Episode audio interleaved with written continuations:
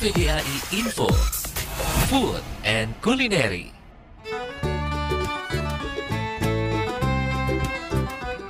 Sobat KVDAI, dari ratusan kuliner yang tersebar di kota Makassar, kuliner yang satu ini berbeda dengan yang lainnya.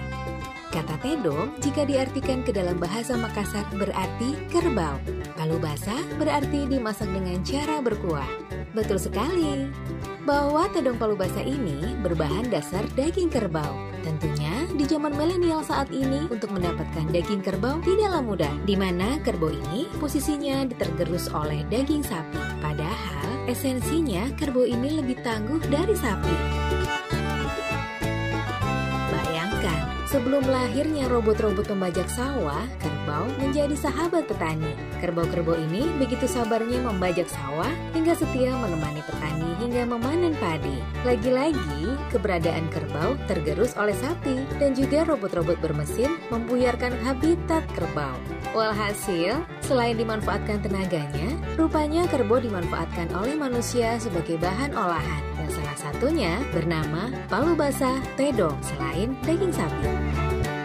Dahulu kala, kuliner berkuah segar yang dicampur dengan kelapa parut goreng ini sudah ada sejak zaman nenek moyang dan menjadi favorit warga Makassar serta kabupaten di sekitarnya.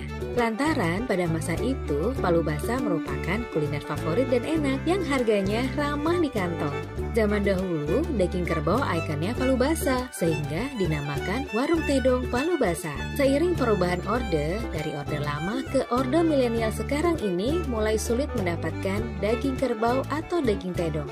Para penjual menyiasatinya untuk daging dan jeroan rata-rata sudah menggunakan daging sapi. Ini yang membedakan keberadaan warung palu basah yang terletak di Jalan Gunung Latimojo, tepatnya menumpang di bangunan Tuarko Toraja Cafe, tak jauh dari Jalan Gunung Salahutu.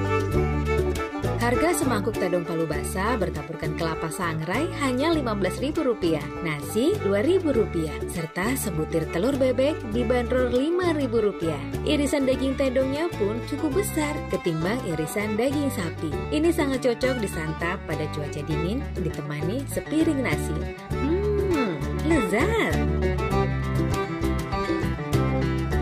Informasi ini dipersembahkan oleh KVDAI Regional 4 Wilayah Indonesia Tengah, Timur, dan Luar Negeri.